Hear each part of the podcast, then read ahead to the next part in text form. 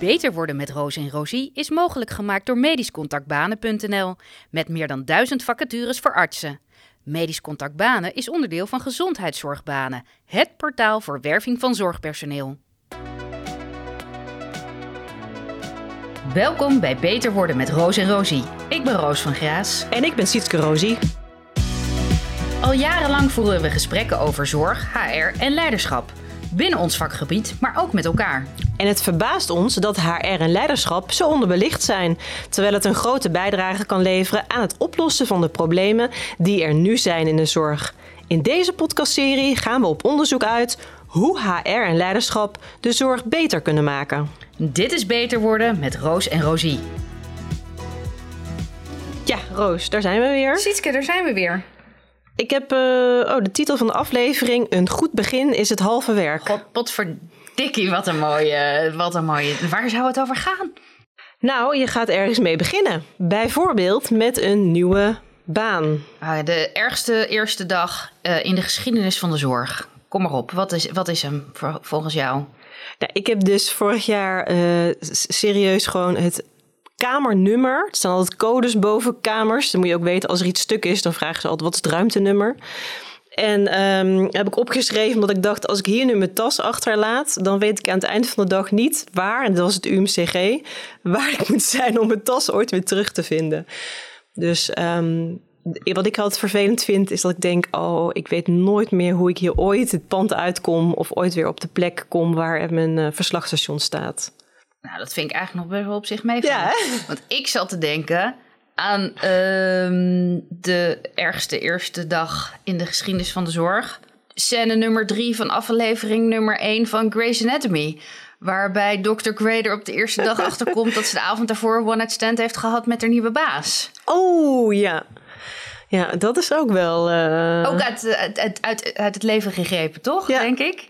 Ja, inderdaad. Soms dan denk je bij de koffiepauze: Oh, werk jij hier ook? of, oh, werk jij nu hier? ja, nee, zeker. En uh, nou ja, dat. En nou ja, de klassieker, de co-assistent die op dag 1 op de stoel van de professor gaat zitten. Of op de eerste rij gaat zitten terwijl de co-assistenten op de achterste rij moeten. Of op de achterste rij gaat zitten terwijl de co-assistenten op de eerste rij moeten. Ah, ja. ja, al die ongeschreven regels waar niemand je iets over vertelt. Mijn ergste eerste dag was, althans was denk ik niet, maar ja, wel, ik kan me namelijk nog wel erg herinneren. Mijn ergste eerste dag was de dag waarin het bedrijf dacht dat ik zou komen, maar ik uh, had gezegd dat ik de baan niet aan had genomen. Oh. Maar HR had dat niet doorgegeven aan de afdeling. Dus die belden mij op en die zeiden: Waar ben jij? Ik zo, waar ben ik? ja, we staan hier klaar. Hier kom ik mijn bed niet vooruit. We staan klaar met taart en bloemen. Ik zo, oh, nou, jee, ja. ik zit in Frankrijk. Um, ja, dat was wel echt, dat was wel echt gênant. Ja. Ja, en ik, uh, ik geloof dat, uh, dat, dat de desbetreffende HR-medewerker toen ook nog een soort van heeft gezegd van... Uh, nee, jij hebt nooit... jij hebt maar je hebt toch ook, dan had je toch ook geen contract ondertekend? Nou, ik, dat was wel... Ik had wel een contract ondertekend. Uh, en, en kwam toen tot inkeer. Oh, want dat heb ik ook wel eens meegemaakt. En het grappige is dat ik heb even wat bij mensen nagevraagd deze week... om te kijken van hoe ervaren andere mensen nou deze periode. Hè? Want bij ons heet het de introductiedag of de inwerkperiode. Maar in het bedrijfsleven heet het onboarding. Hè? Ja, klopt. Of uh, Japke D. Bauma inschepen. Inschepen? Inschepen. Hoe noemt zij dat zo? Nee, maar dat is een Nederlandse term voor onboarding. Ben ik, trouwens, ik ben trouwens niet de enige die er pas na anderhalf jaar achter kwam dat Japke D. een vrouw is, toch? Nee, ik begreep ook die, die extra letter niet hoor. Dat heeft maar ik, ik vind Japke op zich een... Ja, dat is een prima naam, toch? Ja, maar ik vind het meer een mannennaam. Oh. Ik dacht altijd dat het een man was. Ja, maar dat heb ik met Sietske en Sietse. Gaat het ook bij mij oh, ja. regelmatig mis. In Amerika dachten ze dat Roos, Roos ook altijd een man was. Oh joh. Ja. I'm looking for Mr. Roos. Mr. Roos. This is. Van Grace. Ja, ja Van Grace.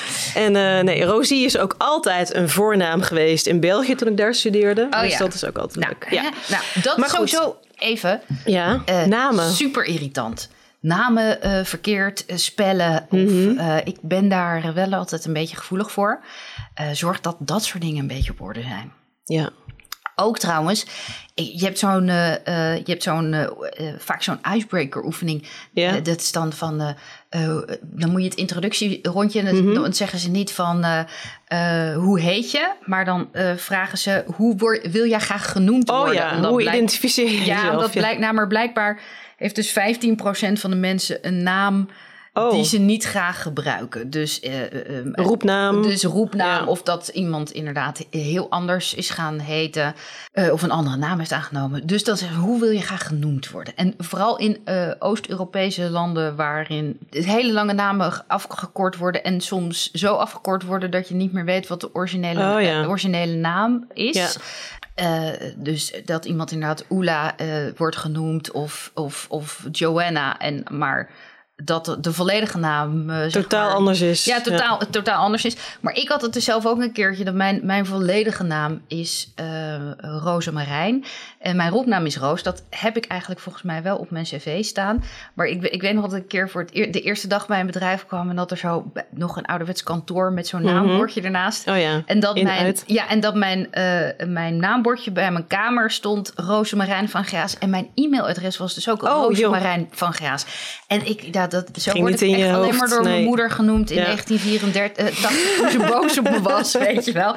Dus dat, dat is altijd, namen is ook wel een, uh, een dingetje. Dat Ja. dat gewoon uh, klopt.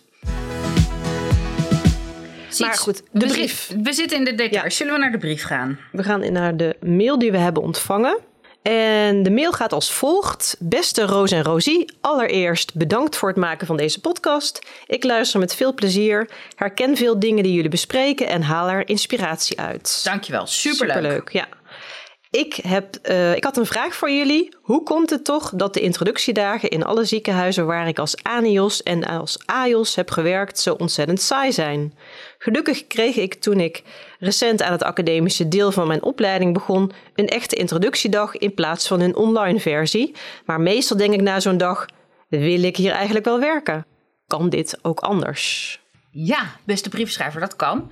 Ja, dat online is deels ook nog door corona ingegeven. Ik had deze week met een van een bestuurder van de ziekenhuizen over. En uh, die zei: Ja, wij zitten nog in de online introducties. Maar dat moet eigenlijk weer teruggeschroefd worden naar de fysieke introducties. Maar goed, er zijn allerlei uh, constructies voor tegenwoordig. Tot aan allerlei moderne apps aan toe. Ja. Maar wat is jouw gevoel bij uh, onboorden, inwerken, introductiedagen, et cetera? Ja, onboorden is vaak saai. Mm -hmm. Het zijn voornamelijk ook veel afvinkdingen.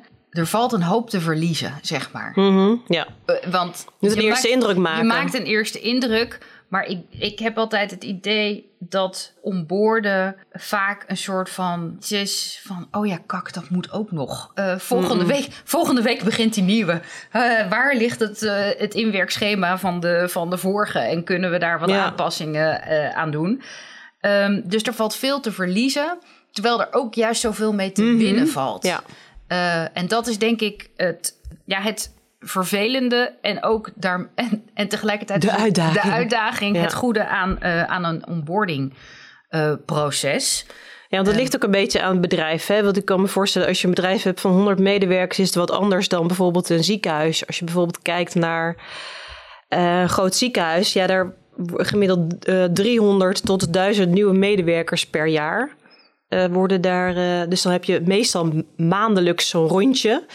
Uh, waarbij op de eerste dag van de maand dan iedereen een introductiedag heeft. Kijk, het voordeel als je veel mensen aanneemt, is Mhm. dat je er ook budget aan kan allokeren en Ja. er iets gaafs van kan maken. Want er valt echt heel iets. Er valt echt wat gaafs van te maken. Mhm. En in dat geval helpt het je organisatie ook heel erg. Omdat je engagement start bij de onboarding. Eigenlijk start je engagement al Daarvoor, eerder. ja. Maar um, onboarding speelt daar een ontzettend grote rol in. Eigenlijk beslissen we vaak al, laten we zo zeggen, als mensen die binnen een jaar of anderhalf jaar weggaan, hebben dat eigenlijk al besloten in de eerste twee weken. Oh joh. En als je dus die eerste twee weken een warm bad creëert, dan ondervang je dat daarmee. En natuurlijk kunnen er daarna nog heel veel dingen boven water komen die niet goed zijn, weet je. Dus Mhm. um, als ik bij een bedrijf binnenkom om een bepaalde opdracht te doen, of vroeger toen ik nog medewerker was, ja, dan word, ik vaak aangenomen om problemen op te lossen. Dus als het alleen maar, uh, als we alleen maar zou, hand in hand over de, over de afdeling zouden huppelen, dan zou ik zou het niet nodig zijn. Nee. Maar het, hoe je zeg maar dingen organiseert, uh, is voor heel veel mensen heel erg belangrijk. Dus het, heeft, het is ook aangetoond dat een goede onboarding uh, eraan bijdraagt dat je verloop naar beneden gaat, dat je engagementcijfers omhoog gaan, uh, dat je als medewerker productiever bent, dat je meer samenwerkt. En dat is wel zeker dat verloop is wel relevant, bijvoorbeeld bij uh, tekort en verpleegkundige, om maar iets te noemen. Absoluut. Ik denk dat, kijk, de algehele oplossing is natuurlijk een, een samenloop en een optimaal werken van heel veel verschillende deeloplossingen. Maar ik ben absoluut van mening dat als je die onboarding goed geregeld hebt. En dat als je binnenkomt, dat er iemand klaar staat. Dat er van tevoren een bosje bloemen wordt gestuurd. Dat, en je, je kan dat heel Amerikaans maken. Ik ken ook inderdaad uh, onboarding events waarbij partners werden uitgenodigd. Mm dat, uh, of bij young graduates. Uh, dat mm -hmm. een van goede vrienden van mij, die ik ken, die, dat zijn Canadezen, maar wonen al jarenlang in Amerika. Hun dochter kreeg voor het eerst een baan.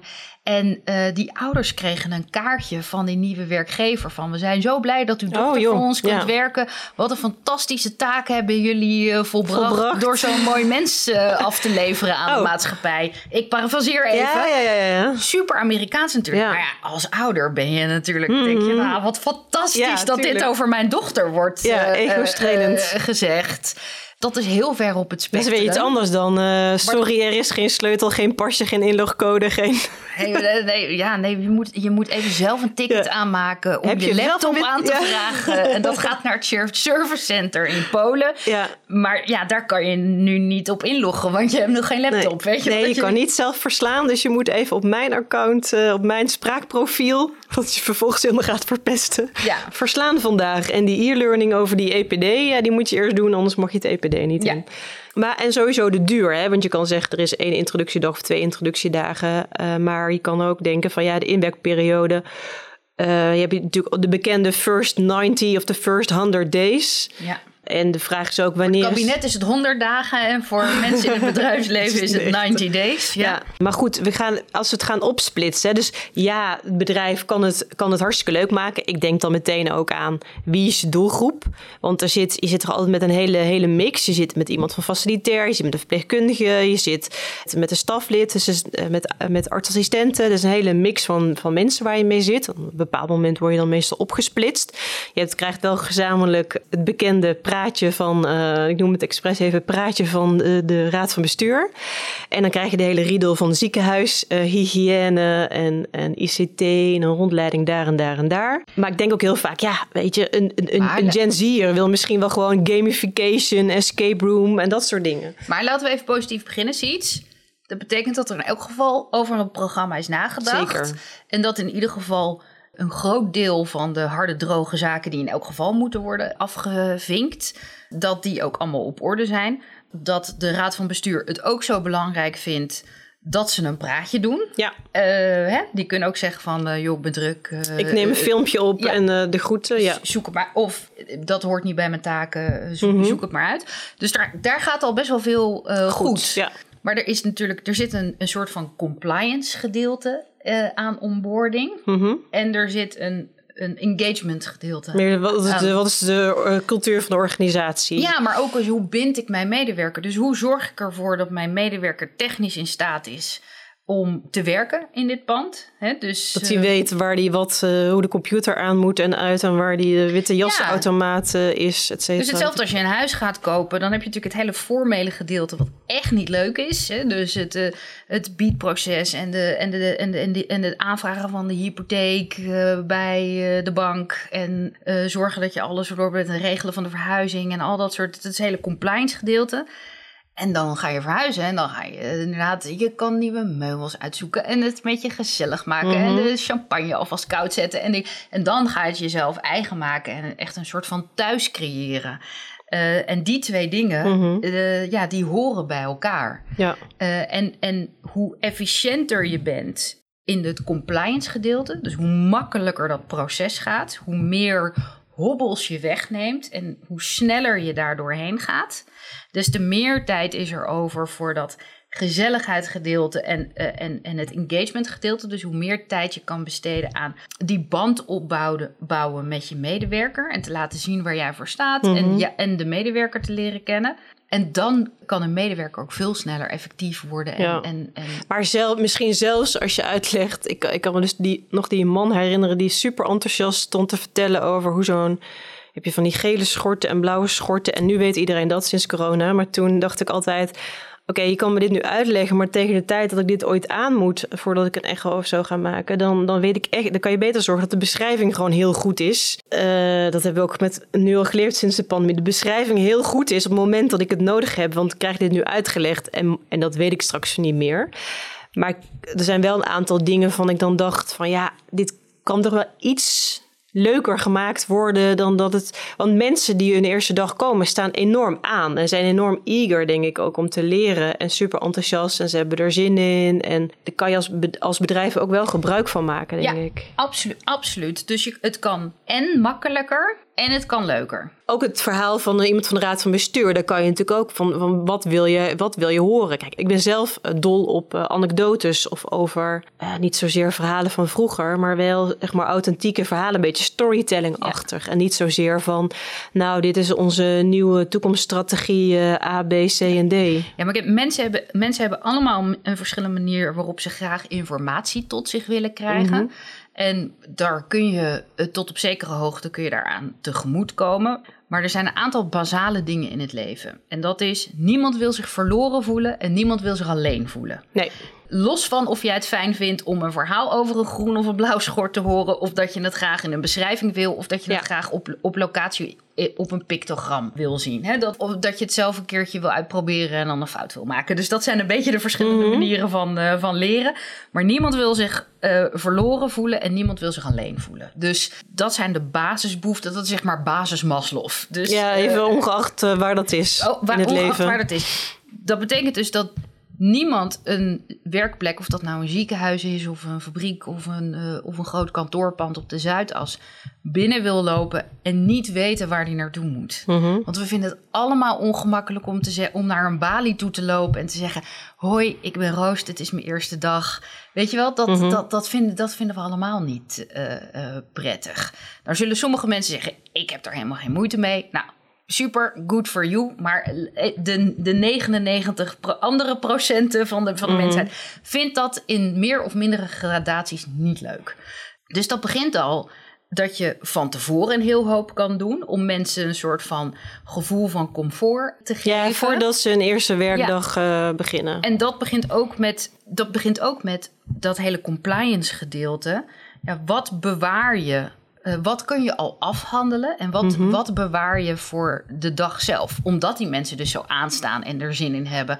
Ja. Ja, dan, ehm, dan wil je dat niet zeg maar de grond in eh, boren Nee, door te nee, nee. zeggen van eh, hier kun je alsjeblieft nu anderhalf uur Al compliance deze training, eh, teksten ja. doorlezen, dan gaan we daarna testen of je die teksten goed hebt doorgelezen. Maar ik denk, ik denk in het algemene zin dat dit... Ik vind dit een onwijs leuk onderwerp. Ook om, omdat ik bij mezelf merk... Oh ja, onboarding, weet je wel. Want ik ben als HR-medewerker natuurlijk zo vaak meegemaakt... dat een manager tegen mij zei... Oh ja, nee, ik heb eh, nog niks aangevraagd. En oh ja, ik heb nog niks. Dus dat je keihard moest gaan rennen... om Mhm. alles nog een beetje op orde te krijgen. En ik vond het zelf eerlijk gezegd ook niet het allerleukste de onderdeel van mijn, eh, eh, mijn werk. Dat is, dat is gewoon persoonlijk. Dat is een heel erg Ja. persoonlijk interesse. Dus ik snap alle negatieve kanten of de energie. Maar ik zie ook wat het je kan brengen. Dus voor mij is het ook een beetje een, eh, zijn Ja. het ook een beetje twee dingen die Ja. een beetje tegen elkaar aan, eh, aanstoten. Maar oorlogsverhalen over wat er allemaal mis is gegaan. Ik denk dat iedereen ze. Nou, je kan avonden in de kroeg vullen met, met dit soort verhalen. Maar misschien moeten we eventjes terug naar ons welbekende format. Ja, inderdaad. Eh, de, namelijk klacht, symptoom, diagnose en behandeling.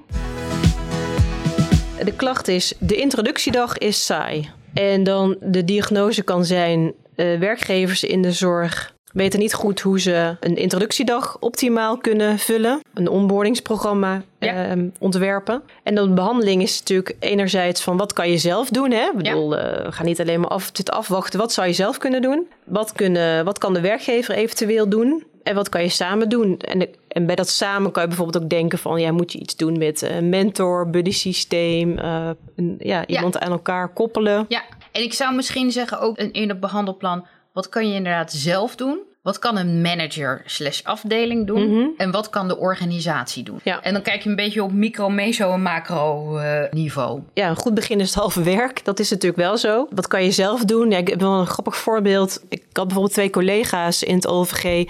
En voordat zij begonnen met hun opleiding tot radioloog... zijn ze al meegeweest op skiweekend. Ja, superleuk. Ja, dat is echt uh, hè? Dat, dat, is een goede binnenkomer... Uh, waarvan een van de collega's toch deze week tegen mij zei... ja, misschien was het omdat ze extra korting kreeg als wij ook meegingen. Nou ja, het maar het was wel echt, ja, dat is de manier om uh, mijn, mensen te leren kennen. Absoluut. Mijn eerste dag bij PepsiCo, waar ik mm -hmm. heb, heb, gewerkt bij de, uh, was bij de chipsfabriek, maar de drankjes en maar ook de borrelnoten van le Lees, en, toch? Ja, ja, ja, Le ik, ik, werkte bij de Lees chipsfabriek Lees en, en Smith, dus de wokkels en de, en de, oh en, en, de chips. Maar je had ook duivis, dus doe het borrelnoten en, en, en kweker. Duivis? Ja, en oké. Okay. En Krusli, dat, dat hoort daar ook allemaal toe. En die hadden dus een... Oh, kweker dan? Oh, ja. ja dat uh, hoort ook bij hetzelfde. Uh, Dat is ook onderdeel van, uh, van dat bedrijf. Die hadden dus inderdaad een hele grote management mhm. offsite. Mm -hmm. Dus dat was met 300 man, geloof ik. Oh ja. En dat was mijn eerste dag. En dat was super heftig. Ja, maar dat was een soort jaarlijks uitje. Of, ja. ja, waarbij ze inderdaad de nieuwe strategie gingen delen. En, en, een heel groot teambuilding event mm zat erbij. Dus het was echt een hele dag met nou, meetings binnen en buiten allerlei activiteiten. En daarna een barbecue en zo. Heel erg intens. Vond ik ook best wel uh, uh, spannend. En er werd heel erg leuk, werd daar de ruimte gegeven. Want er werd ook gevraagd als een soort van ijsbreker. Was mhm. het van, oké, wie werkt hier korter dan haar? En toen werd ook gezegd van, wie werkt hier het kortst? ik zei, ja, dit heeft hij nog nooit gewerkt? Dit, ja. dit is mijn eerste dag.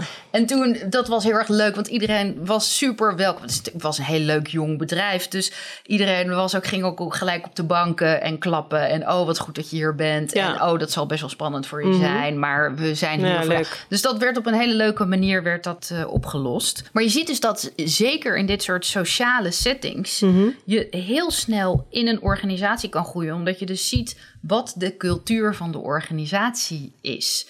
Dus het leren kennen van mensen, het opgenomen worden in een groep, is zo'n belangrijk onderdeel van werkcultuur. En van je, bedoel, je, je spendeert toch. Even alvast van tevoren kijken. Uh, wie er werkt, hè? dan krijg je dat soort Grey's Anatomy situaties niet. Mm, ook dat, maar bijvoorbeeld als je kijkt naar onboard, als je kijkt naar onboarding en uh, logistiek. Ik zat net te bedenken, jij hebt een, een, aantal weken geleden heb jij iets gedaan waarvan ik dacht, Oh ja, dat, dat, deden, dat deden wij vroeger. Of dat doen ouders als je kinderen wil leren hoe iets te doen.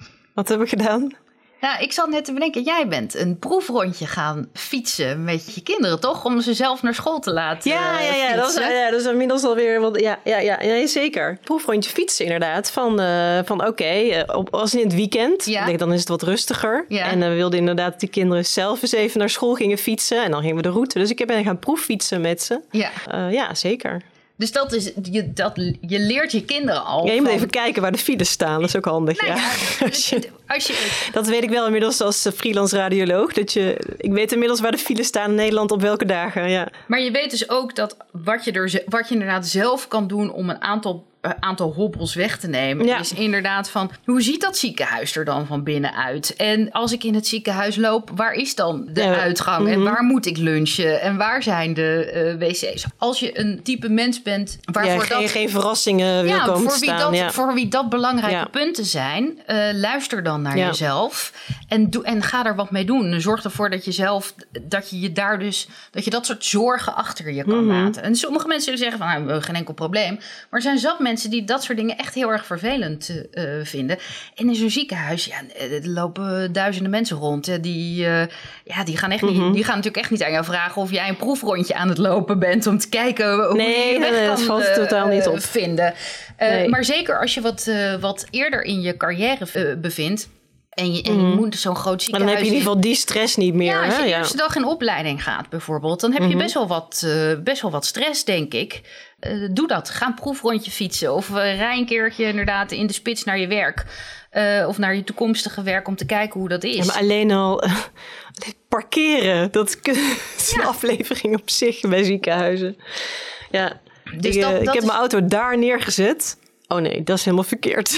ja, en ook wat kun je zelf aan doen? En dit is, we hebben het nu best wel lang over allerlei hygiëne dingen. Uh, we, we, gaan het zo ook over slingers hebben hoor. Maar als dat soort dingen niet actief naar je toe uh, komen, mm vraag er proactief naar. Stuur een mail naar je contactpersoon. Als je geen contactpersoon hebt, bel gewoon het algemene nummer. En zeg mhm. gewoon van, joh, ik, ik kom werken, maar ik heb nog niet alle informatie die ik nodig heb. Waar kan ik parkeren? Ja.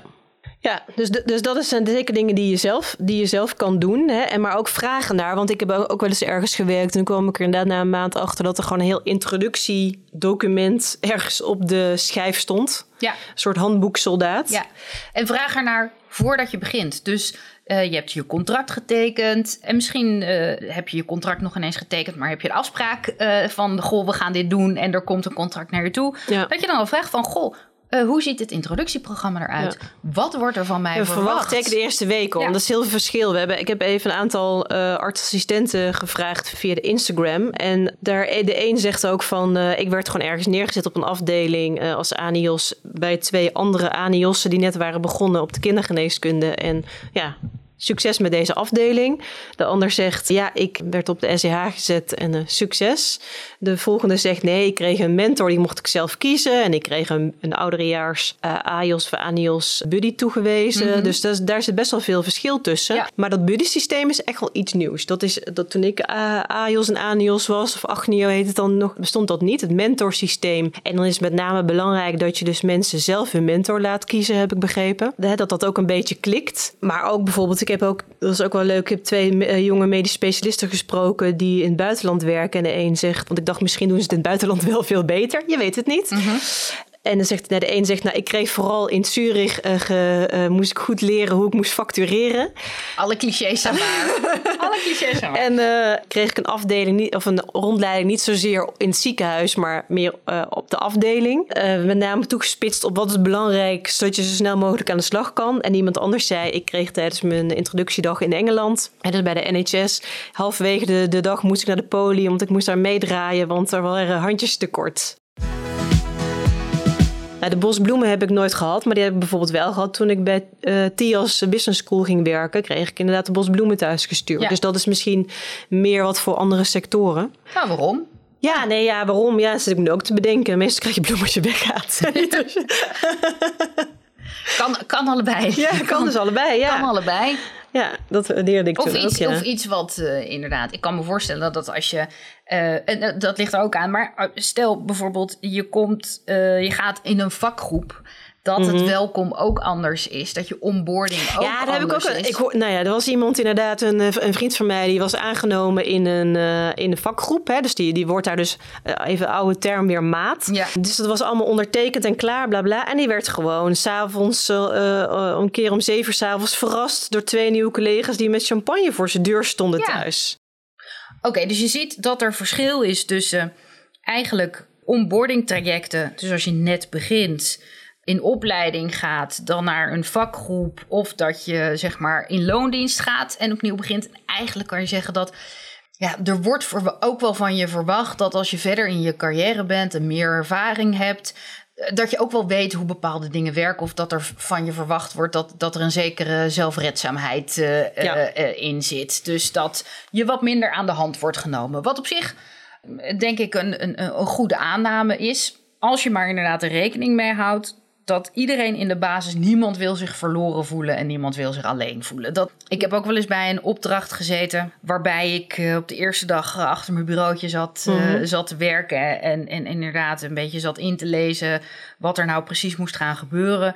En ik zag rond kwart over twaalf iedereen, naar buiten, iedereen naar buiten lopen en ik dacht, nou, en om kwart over één dacht ik, nou, dan ga ik zelf maar wat eten halen ergens, ja, weet je wel, want er was daar geen kantine of zo. Nou, nou nogmaals, ik kwam daar voor een opdracht en ik kan op, en ik kan ja, op zich wel wat hebben. Was je een externe? Ik was, ex, ik was ja. externe, dus ik kan, ik kan op zich wel wat hebben. Maar ik dacht wel, oh ja, als dit Mm. Als dit zeg maar. De Niet echt een belonging cue. Nou, als, dit, ja, als dit de cultuur is, dan, ja, dan, dan, trekt dat uiteindelijk. Dan filtert het soort mensen wat hier graag wil werken, filtert zich dan op een gegeven mhm. moment vanzelf wel uit.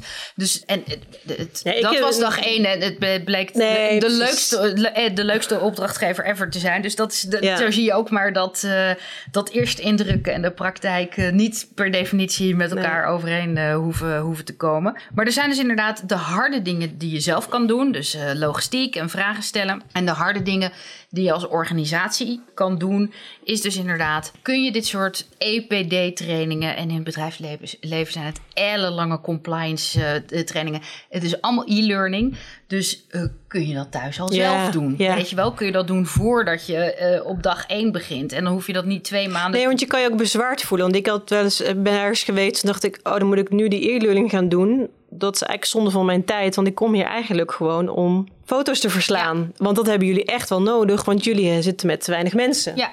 En dan voel je bijna bezwaard dat je eerst nog die hele riedel door moet. Ja, en het, is, het, is, het haalt de energie eruit. Dus als iemand inderdaad hoog in de energie binnenkomt, hoe kun je daar gebruik van? Ja. Uh, hoe kun je daar gebruik van maken? En uh, ja, sowieso de eerste periode. Want die bekende verwonderen en verbeteren concepten heb je ook heel, in de zorg wat frisse ogen zien van alles, wat mensen die er al langer werken natuurlijk niet zien. Dus je kan ook van die nieuwe uh, werknemers gebruik maken van hey, wat zie, niet op dag één, maar op een gegeven moment kan je natuurlijk wel vragen van wat valt je op, wat zie je? Nou, daar, daar, heb je waarschijnlijk ook allerlei technieken uh, voor, omdat je dat ook wat op kan leveren. Ja, absoluut. En ook als medewerker dan heb je zoiets van: oh, maar dat hele verwonderen is bij mij, huh, doen ze dat hier zo? Weet je wel, als nooit een, oh, ik ben verwonderd. Dat is bij mij altijd een beetje een soort van cynische, jezus, doen ze dat hier zo? Um, dat hebben we al lang afgeschaft, uh, ja. Ja, mijn tip is wel... Niet meteen te veel oordelen op dat nee, één. nou, dat, is, dat, dat, zijn we, dat zijn, zijn we allemaal, uh, mijzelf in, uh, in kluis, geneigd om te doen. En ook inderdaad... Ik heb een tip voor jou, ja. Ja, ik heb een tip voor jou. Weet je wat jij zou moeten doen?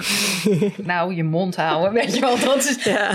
Maar als je ergens binnenkomt, dingen worden altijd voor, om een bepaalde reden gedaan. En het is vaak ook zo dat je, of je het nou eens bent met die reden of niet, uh, ja, voor sommige mensen werkt het. Of uh, mensen hebben misschien zelf niet door dat het eigenlijk niet zo niet, dat het handiger of anders uh, mm-hmm. kan. Dus inderdaad, die hele, wat ook in, die, in de first 90 days, wat daar ook staat, is de eerste 30 dagen stel gewoon vragen. Vragen stellen, ja, ja, ja. En ook ja, met ja. vragen stellen is semantiek belangrijk. Ja, zeker. Dus doe je dat zo? Vraag niet waarom, waarom doe je dat zo, maar, maar vraag van dit, kun je me meenemen in dit proces? Kun je me helpen? Dit beter te begrijpen. In de manier van vragen stellen kun je jezelf ook al op een hele fijne en prettige manier positioneren. Ja, een beetje de, de bescheiden vragen stellen ja, um, methode. Ja, wordt dat altijd zo gedaan?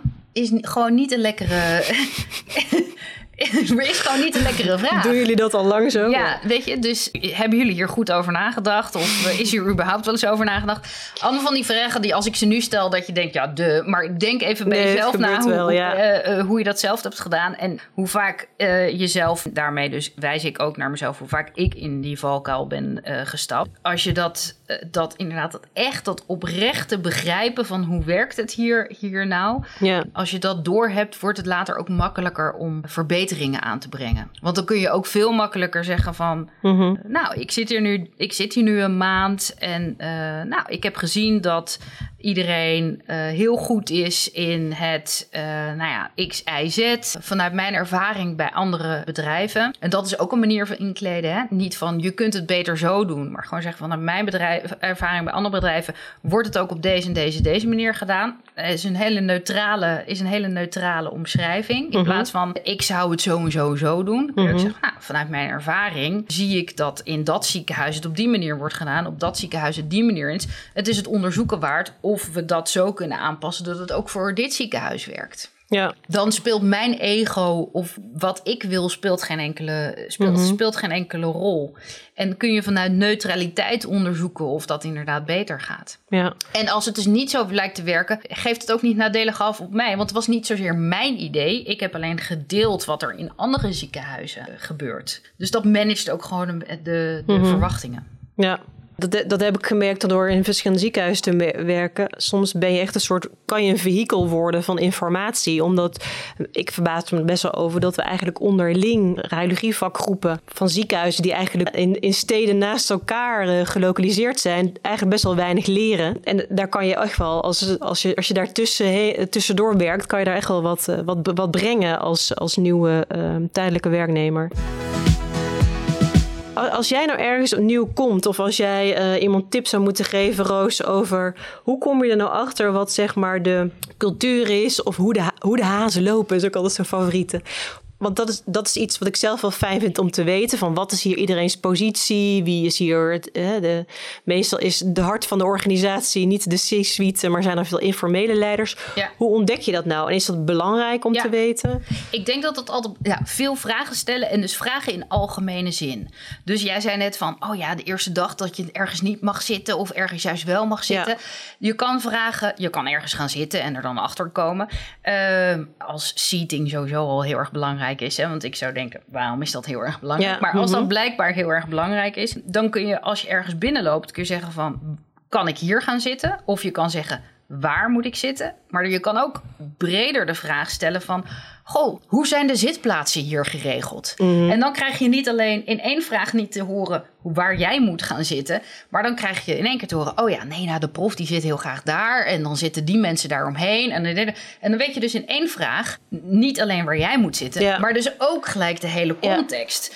Er, er kan ik heb wel eens verkeer, bij het verkeerde groepje geluncht, hoor. Dat is... Ja. bij de artsassistent in plaats van bij de bazen. Ja, ja. nou ja, als Super gezellig trouwens. Ja, ja, dat soort dingen kunnen inderdaad heel erg belangrijk uh, zijn. Als je daar een opmerking over krijgt, dan kun je daar. Ik kreeg er een opmerking over? Ja, dat was een van de. Um, die dacht dat ik zeg maar expres uh, niet bij uh, de rest van de staf ging zitten. Ik was uh, natuurlijk was freelancer ergens. Oh, dus die, omdat je freelancer was? Ja, ik weet niet. Uh, ik zat bij de fellows en de artsassistenten. En die vroegen meer van waarom ik niet bij hun ging zitten. En toen dacht ik pas, toen zag ik pas, had ik ineens een andere bril op, van Oh, wacht eens even. Er zijn twee groepjes inderdaad. Hier in het personeelsrestaurant. Op, aan die tafel zitten zij en aan die tafel zitten zij. Dat viel me dus echt pas op na, nadat ik er al, uh, denk ik, een dag of zes had gewerkt. Ja, maar je zou dat zou ik juist als indicatoren zien van hoe lopen de hazen Waar gaan mensen zitten tijdens de lunch? Welke groepen gaan met elkaar lunchen? Komen mensen bij elkaar langs om te zeggen: we gaan lunchen, ga je mee? Of uh, is er een soort van on, of is er een, een, onuitgesproken afspraak dat ze elkaar ergens zien? Of mm niet? Hè? Gaat iedereen uh, gewoon zijn eigen, uh, zijn eigen gang? Wie drinkt er koffie met elkaar? is er iemand oh, is ook zo'n ding, koffie is er, halen. Is er iemand die ja. uh, getrouwd is met zijn mok? En uh, oh, ja. uh, daar, daar enorme belangrijke ja. soort, spirituele waarde aan hecht... om die, om die altijd bij zich te hebben. Ja, ik denk van, we zijn allemaal volwassen mensen... en mm. we hoeven onze safety blanket niet te hebben... maar ik heb ook een keer de verkeerde mok uit de kastje gepakt. Daar ben ik nou 40 voor geworden... dat, dat ik op mijn vingers wordt getikt omdat ik de mok uit het kastje pak. Dus dat, dat, dat zijn van die dingen waar je even inderdaad een, een klein stapje terug in ja, kan of, doen om te observeren. Maar daar komen we ook al op. Ik zit, ineens, ik zit nu ineens ineens zo'n hele OK koffiekamer vormen met mensen allemaal hetzelfde pakje aan hebben. Hè? Het ja. mutsjes op. Dus iedereen ziet er hetzelfde uit, zo ongeveer. En dan uh, die, met al die mokken. En dan al die namen die je moet onthouden van eh, de eerste dag. En inderdaad, iedereen gaat zich voorstellen aan je. En dan denk je bij de derde naam al... oh jee, ik weet niet meer wat je doet. En welke ben jij nou van de ICT? Of ben je nou van uh, de helpdesk daar? Of... Ik mag hopen dat als je bij de ICT zit... geen OK-pak aan heeft. Nee, maar... dat nee, maar dat maakt het wel erger. Het tekort wel heel erg groot. Als ik als co-assistent herinner ik dacht... oh, het is één grote blauwe massa met paarse mutsjes. Ja. En elkaar klompen. Ja, inderdaad. Nee, dat is ook zoiets inderdaad. Dus, nou ja, goed. Wat kan je dus als nieuwe collega doen inderdaad? Ja. Zorgen dat iemand zich veilig en prettig voelt, voelt en iemand meenemen en nog tien keer herhalen. Weet je nog, dat is Henk, dat is Kees, dat is ja. uh, Annie. Ja, ja en met name, ja, ik kan je daar ook echt absoluut niet bij helpen. Want ik zorg, zorgde altijd dat ik een soort van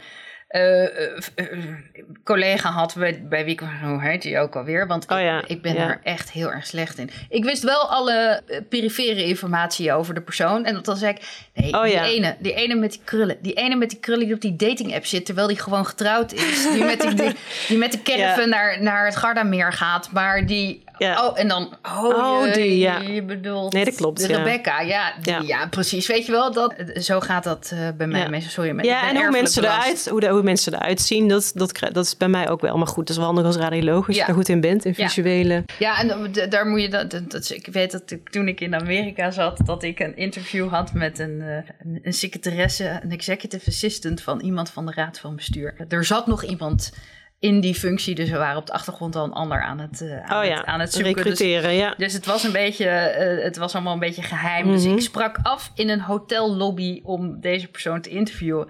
Dus ik zeg van, oh ja, nou zeg even hoe ze eruit ziet. Ja. In mijn naïeve Nederlandse uh, achtergrond. Ja. En ik, ik kreeg alleen maar een soort van, ja, yeah, I'd rather not. dus ik zeg liever niet. Ik zeg liever niet hoe ze eruit ziet. Ik zei, maar ik kan toch gewoon zeggen of ze een bril heeft of.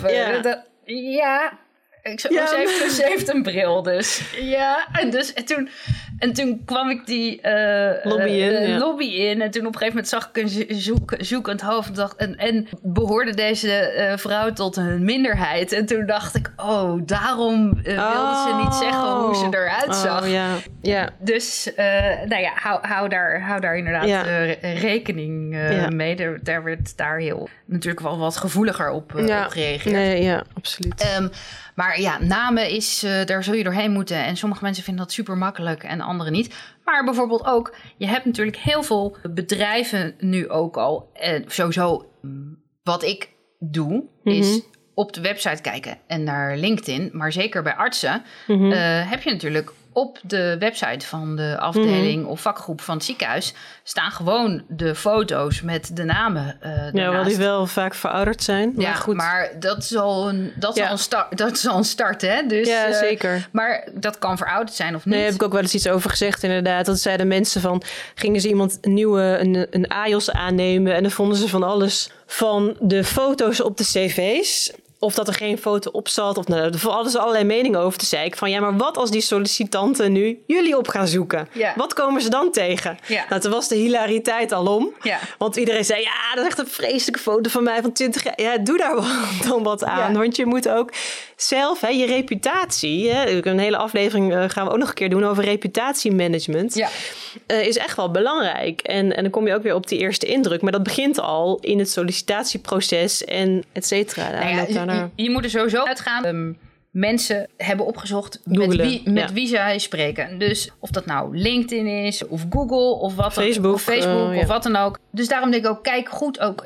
Je hebt niet meer een thuispersona en een werkpersona. Want nee. alles, alles loopt door elkaar. Zeker nu je ziet dat LinkedIn toch ook wel een beetje... Ja, dat was een soort Facebook geworden een, een, gedurende corona. opener medium ja. is geworden. Ja, als ik dan bij sommige sollicitanten lees wat zij als reacties op andere oh, dingen op LinkedIn zetten denk oeh, nou, mm -hmm. weet niet of deze persoon hier tussen past, weet ja. je wel? Dat, uh, uh, de, dus daar, daar kun je ook rekening uh, mee mm -hmm. houden als...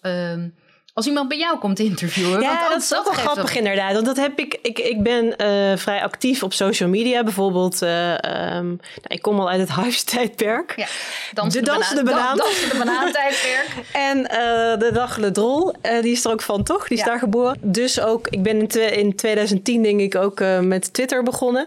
Maar dus ik heb ook wel eens gemerkt dat ik ergens kwam. Maar dat mensen echt, ik dacht op een gegeven moment, wacht eens even. Maar die heeft allemaal dingen over me opgezocht. Want ja. ik kreeg ongeveer quotes van mezelf terug, tweets van mezelf terug. Dat is ook wel grappig. Dus realiseer ja. je ook als je ergens begint van uh, of mensen kennen je helemaal niet. Ja. Maar andersom kan het ook zijn dat ze inderdaad, uh, uh, inderdaad die, die podcast ja. waarin jij geïnterviewd wordt, geluisterd hebben en je laatste tweets hebben doorgenomen. Dus als jij inderdaad nooit Twitter gebruikt, behalve om eh, te klagen bij de KLM dat je vluchtvertraging heeft. En ik steek, en ik steek Ziggo, nu, KPN. Ja, ik steek ja. nu uh, mijn hand op. Nee, maar dan moet je even kijken van wat, wat, wat doe ik hiermee? Ja. Maar dat is een, inderdaad even een goede om, om voor later te bewaren. Een van de tools die je hebt om dit allemaal te regelen, als mm -hmm. we toch eventjes uh, denk ik een beetje naar het einde ja. gaan en um, Hoe kunnen we de onboarding, uh, introductieperiode, dag uh, leuker, prettiger maken en meer impact voor iedereen? Je hebt gewoon ontzettend veel handige tools die daar uh, bij ondersteunen. En vooral onboarding apps zijn daarin ontzettend handig. Je hebt heel veel bedrijven die daar um, oplossingen voor bieden, die ook allemaal compatible zijn met je uh, personeelsadministratiesysteem.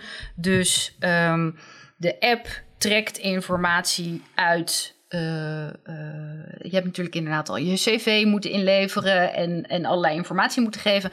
Dat wordt in een HR-informatiesysteem gezet. Zo'n app trekt daar weer informatie uit. En die doet heel veel dingen automatisch voor je. Dus een maand van tevoren krijg je, uh, je download de app. Een maand van tevoren krijg je alvast uh, een, leuk, een leuk berichtje. Je krijgt uh, de bloemen thuis gestuurd. Virtueel. nou, virtueel, maar het kan ook gewoon via Greets iets leuks worden gedaan.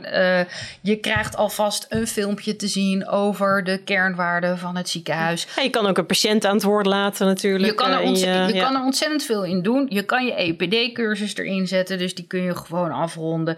Je kan allerlei andere hard uh, stafdingen mm doen. Je kan ervoor zorgen dat inderdaad... Een soort smoelenboek kan je zelfs doen voor de afdeling. Precies, het eh, smoelenboek erin zetten. Je kunnen berichtjes ingezet worden. Je kan alvast uh, worden toegevoegd op, uh, op de communicatiekanalen. Mm -hmm. Dus of dat nou een, een, een jammer is. Oh ja, of, de introductiemail inderdaad. Um, ja. Maar al dat soort dingen kunnen al geregeld worden. Er kan een virtuele tour op worden gezet. Dus mm -hmm. er kan inderdaad worden gefilmd van...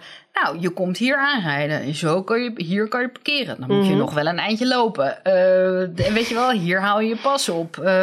het voordeel is Um, als je dit doet, ja, je investeert uh, erin om dat één keer te filmen. Ja. Maar daarna kun je het altijd gebruiken. Ja. En het werkt heel erg leuk, omdat het toch heel erg persoonlijk overkomt. Zeker als het gewoon iemand is die dat met zijn telefoon filmt. En dan gewoon van selfie-stand naar. Uh, het hoeft allemaal niet super nee, te zijn. Nee, hè? Nee. En je ziet al superleuk heel veel. Uh, bijvoorbeeld, ik, radiologieafdelingen hebben de laboranten allemaal hele leuke Instagram-pagina's gemaakt. Ja. ook weer een beetje in coronatijd. Maar dat is gewoon ook iets van de laatste jaren. Precies, dus dat kan. Echt goede sfeer mee al. Dat kan, dat kan absoluut allemaal uh, geregeld worden. Ik vind het altijd heel erg fijn wel dat er iemand persoonlijk is om je te begroeten. Dus dat je ja. weet hoe laat iemand komt. Dus dat je zelf ook even zegt van ik ben er zo laat. Dat er dan iemand met je meeloopt even en wel een aantal dingen aanwijst van weet je nog, uh, hier moet je je spullen doen. En hoef je niet het hele rondje helemaal uh, door het ziekenhuis nee. te doen. Maar wel even wat de belangrijke punten uh, zijn.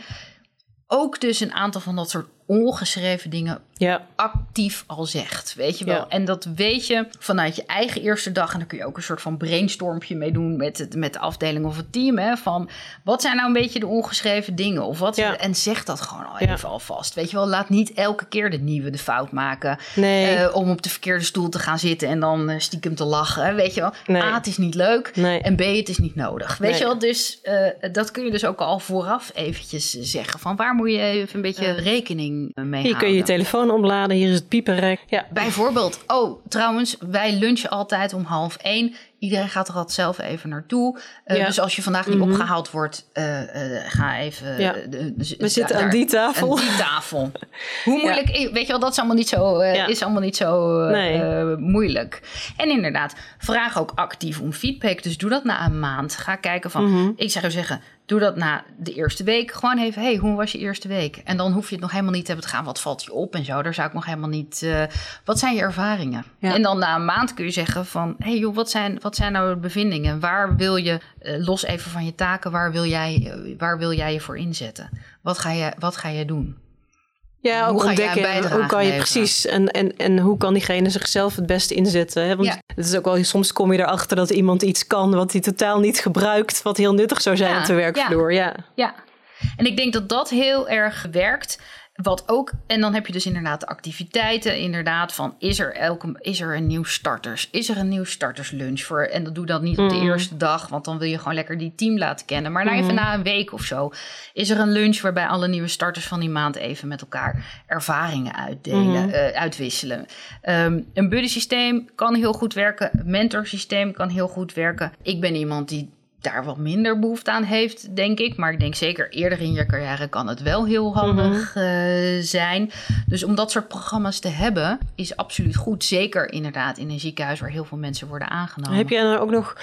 Ik, ik, ik, ik, hoor dat vaak uh, vanuit Amerika, ook vanuit de artsenwereld, uh, ook sponsorship, zeg maar. Mensen die ja. meer meenemen als protégé. Kan jij daar iets over zeggen? Want ik heb in Nederland hoor je daar niet zoveel over. Nou, je hebt een beetje buddy mentorship, sponsorship, zeg maar. Waarbij mentorship en sponsorship het meeste overlap, overlap met elkaar uh, uh, hebben.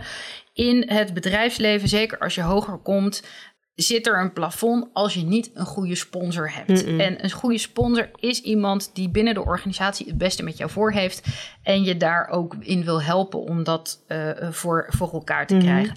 Dat kan je manager zijn, dat kan ook iemand zijn die een paar lagen boven die manager mm -hmm. uh, zit. In principe is het zo in het bedrijfsleven, en die zeg ik het even heel zwart-wit, -hmm. ben je niet succesvol als je manager niet voor jou instaat. Want jouw manager zit tijdens de jaarlijkse... Mm -hmm. uh, zit aan tafel daar waar het... Ja, ja. dat heet de talent calibration, de talentcalibratie... waarin jouw manager zegt van... nou, ik vind uh, Roos een vijf, uh, een vijf op een schaal van vijf. En dan zegt een, een, een andere... nee, ik vind Roos een drie op een schaal van vijf. En die is... En er zijn ja, maar dat zou dus van. bijvoorbeeld iemand kunnen zijn... als ik hem even vertaal... die zegt van... bijvoorbeeld een chirurg die zegt... ik vind deze ANIOS echt geschikt om de opleiding uh, heelkunde te gaan doen. Ja, absoluut. De, en, en die daarvoor voor je en, doet. En, goed, ja. en een goed, voor, eh, goed woordje voor je doet. Ja. En of inderdaad. En moet je zo iemand actief zoeken? Of hoe, hoe, hoe werkt dat? Of is dat iets wat van nature gaat? Me, gaat meestal op een wat meer informele manier. Mentor is wel weer ja. uh, officieel. Hè? Mm -hmm. En uh, wil je mijn sponsor zijn? Ik heb het nooit gevraagd. Mm -hmm. um, meestal gaat het informeel. Ja. Meestal gaat het informeel. Als er, als er mensen zijn die dit luisteren met een, met een, met een formeel sponsor uh, nee, systeem, ik, nee, laat, want, het, mij, laat ja, het mij weten. Dan wil ik het ook weten. Want zeker in Nederland, ik, ik ken het vooral uit inderdaad de Amerikaanse literatuur en ervaringen en ja. podcast, et cetera. Maar het is een informeel, ja. het is een informeel uh, fenomeen waarbij je als, onze grote vriend Adam Grant hoorde ik laat zeggen mm -hmm. van je bent geen high performer als je anderen niet omhoog ja, uh, uh, zeker. Uh, tilt. Ja. En daar is het een beetje op gebaseerd. Ja. Dus ik, heb, ik zit in een geprivilegeerde positie in de zin van. Ik ben, ik ben een senior executive of ik ben de professor hier. Ja. En ik help andere mensen mm -hmm. ook op mijn niveau of boven mijn ja. niveau te komen. En dat is een beetje. Ja, maar dat vind ik ook, dat ja. vind ik ook bij, de, bij de term leiderschap uh, horen. Ja. Oké, nou, we hebben heel veel besproken en eigenlijk zijn we er wel achter dat uh, een onboarding, introductie, inwerkperiode ook heel erg leuk kan zijn en heel veel kan te bieden heeft. Als klacht hadden we deze keer de introductie is saai als ik een nieuwe baan heb in de zorg. Vervolgens de diagnose. Werkgevers um, hebben te weinig aandacht voor of zien te weinig mogelijkheden in het ontwerpen van het introductie- of onboarding-programma. Dan het behandelplan hebben we eigenlijk op verschillende niveaus bekeken. Dus we hebben gekeken naar wat kan je zelf doen proactief, al voordat je begint ook. Daarna wat kan de werkgever doen en dat wil zeggen jouw directe collega's, maar ook je leidinggevende en de organisatie. En we hebben ook nog even kort besproken allerlei tools ja. die er zijn tools en wat je als harde kant hebt, als zachte kant. En dat uiteindelijk een onboarding een essentieel onderdeel is van het behouden en het laten groeien van je medewerkers. Dus zonder goede onboarding zul je een aantal mensen gaan verliezen die een hele goede bijdrage kunnen leveren aan je team en aan de organisatie. Oké, nou, ik denk dat wij uh, genoeg handvaten hebben uh, voor. Uh, ik denk dat het, dus, het is een AIOS dus die ons mailde. Hartstikke leuk. Nou, je hebt het gehoord. Het kan beter. Daarom worden we ook elke keer beter. Ook onder andere door ervaringen. En we hopen ook door deze podcast te maken en voor jullie de podcast te beluisteren. En natuurlijk ook naar ons in te sturen als je vragen hebt, Roos. Ja, vragen, opmerkingen. Kan naar info.roosenrosie.nl. Uh, sowieso kun je naar onze website uh, ja. www.roosenrosie.nl. Daar staat uh, alle informatie over wat wij doen, waarvoor je ons kunt benaderen. en ook de masterclasses en, en workshops die wij geven. Ja. wij zijn er ons terdege van bewust dat wij in deze podcast redelijk staccato kunnen zijn of een redelijke mening kunnen hebben. Daar is dit forum ook hartstikke goed voor. Mm -hmm. uh, maar onze masterclasses zijn heel erg gericht op het omhoog brengen en het beter worden van, van leiderschap binnen jezelf, maar ook binnen je organisatie. Uh, dus, uh, dus kijk er naar. Alle informatie die je nodig hebt vind je op de website. Je kunt daar ook onze podcast beluisteren. Maar check ook vooral de Medfeed app waar die, uh, waar die ja. op te vinden valt. Nou ja, en dan willen we jullie weer bedanken voor het luisteren. Dit was Beter Worden met Roos en Rosie.